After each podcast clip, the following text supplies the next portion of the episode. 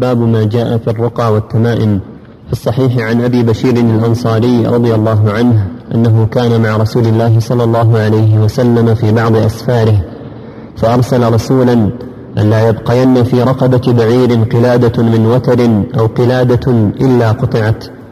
وعن ابن مسعود رضي الله عنه قال سمعت رسول الله صلى الله عليه وسلم يقول إن الرقى والتمائم والتولة شرك رواه أحمد وأبو داود. وعن عبد الله بن عكيم مرفوعا من تعلق شيئا وكل إليه رواه أحمد والترمذي. التمائم شيء يعلق على الأولاد من العين لكن إذا كان المعلق من القرآن فرخص فيه بعض السلف وبعضهم لم يرخص فيه. ويجعله من المنهي عنه منهم ابن مسعود رضي الله عنه. الرقى هي التي تسمى العزائم وخص منه الدليل ما خلا من الشرك. وخص منه الدليل ما خلا من الشرك فقد رخص فيه رسول الله صلى الله عليه وسلم من العين والحمى. والتولة شيء يصنعونه يزعمون أنه يحبب المرأة إلى زوجها والرجل إلى امرأته. وروى أحمد عن رويفع قال قال لي رسول الله صلى الله عليه وسلم يا رويفع لعل الحياة تطول بك فأخبر الناس أن من عقد لحيته أو تقلد وترا أو استنجى برجيع دابة أو عظم فإن محمدا بريء منه. وعن سعيد بن جبير رضي الله عنه قال من قطع تميمة من إنسان كان كعدل رقبة. رواه وكيع. وله عن إبراهيم قال كانوا يكرهون التمائم كلها من القرآن وغير القرآن.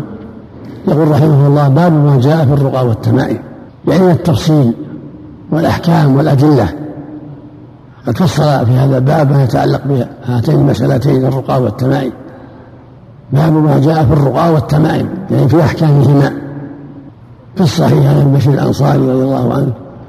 أن النبي صلى الله عليه وسلم في بعض سراياه التي لقي العدو أرسل رسولا ألا يبقى لنا في رقبة بعير قلادة من وتر أو قلادة إلا قطعت.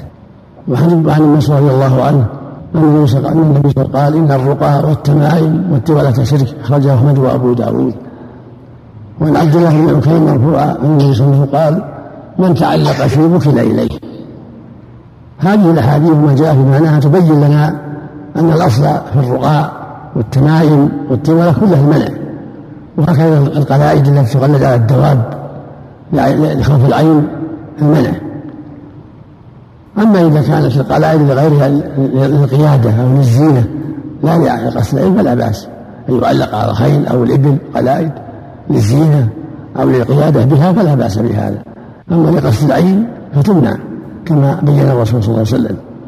والرقى فيها تفصيل. الرقى إن كانت بلسان عربي وليس فيها محذور شرعا فلا بأس بها وهي مشروعة بشرط لا يعتمد عليها بنفسها بل يعتقد أنها سبب فقوله صلى الله عليه الرقى والتمايم والتولى شرك الرقى يعني مجهولة أو التي فيها شرك ممنوعة. وهكذا التمايم هي الحروز التي تسمى الحروز وسمى الجوامع. هذه ممنوعة أيضا. وهكذا التولة وهي شيء يصنعه النساء يسمى الصرف والعطف. وهو من السحر من السحر. وهو ممنوع أيضا. أما الرقى التي ليس فيها محذور شرعا فلا بأس بها. الرسول رقى ورقي صلى الله عليه وسلم. وقال لا بأس بالرقى ما لم تكن شركا. وقال لا رقية إلا من عين أو حمى. ولهذا قال المؤلف قد تخلص النفس بالرقى من العين والحمى إذا لم يكن فيها شرك. فالرقى الجائزة لها شروط ثلاثة.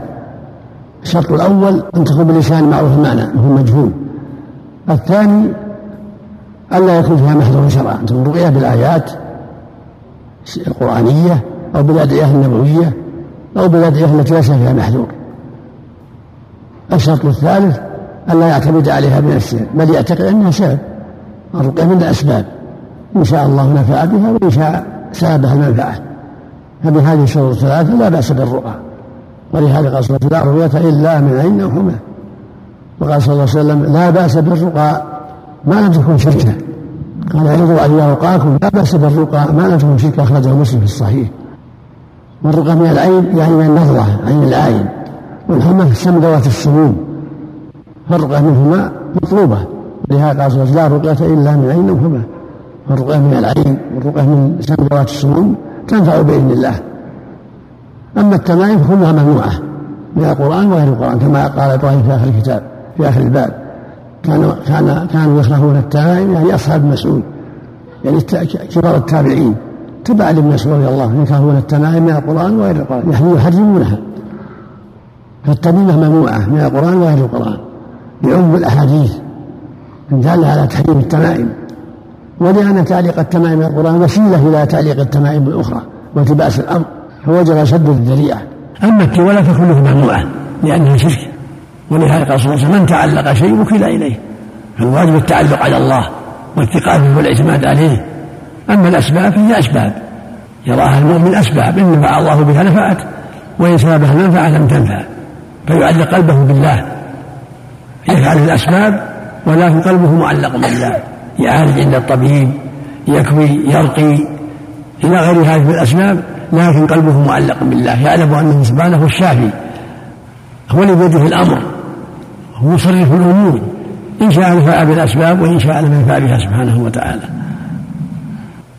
وفي حج الرويفع يقول له النبي صلى الله عليه وسلم لعلك الحياة تطول به أخبر الناس أما أن من عقد لحيته أو تقلد وترى أو سمع برجيع دابة أو فإن محمدا من يوم. هذا في تحريم تقليد الأوتار وفي التمائم تقليد على الدواب بزفع العين يجمع عن الدابة وغير الدابة وعن الإنسان.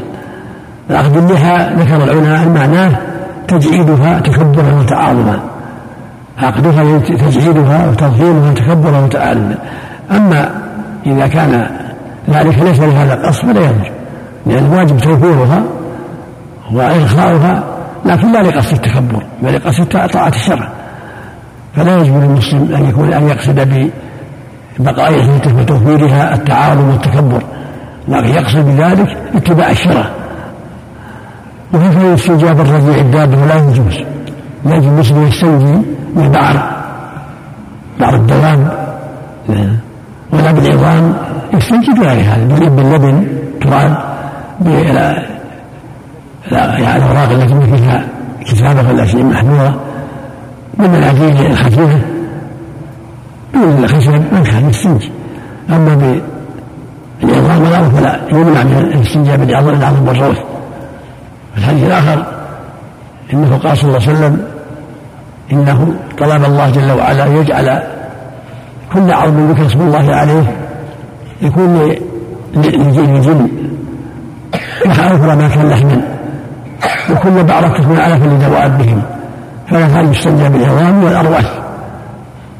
ولكن يستنجي باللبن أو بالحجر اللبن من التراب أو الحجر أو المناديل الخشنة. أو ما أشبه ذلك من الشيء الخشن الذي ينزل الأجل وهو طاهر. أما العظام والأرواح والشيء المحترم فلا يستعمل في في الاستجماع في الاستجمار. ويقول سعيد بن جبير رحمه الله تابع جليل. من قطعة من إنسان كان كعجز رقبة. سعيد بن جبير من أصحاب ابن عباس تابع جليل. يقول رحمه الله من قطعة كبيرة من إنسان كان كعجز رقبة. كان ينتقل على ينتقل من الشرك فإذا رأى على أخيه حز يقول يا أخي هذا ما يجوز. يشير بإزالتها وإن كان له سلطة كالهيئة أو الإنسان مع أولاد يقطعها يكون كعجز رقبة لأنه اعتقد من الشرك قال إبراهيم بن يزيد النخعي. إبراهيم بن يزيد النخعي رحمه الله. من صغار التابعين. قال كانوا أصحاب مسعود يكرهون التمائم يعني يحرمونها من القرآن وغير القرآن.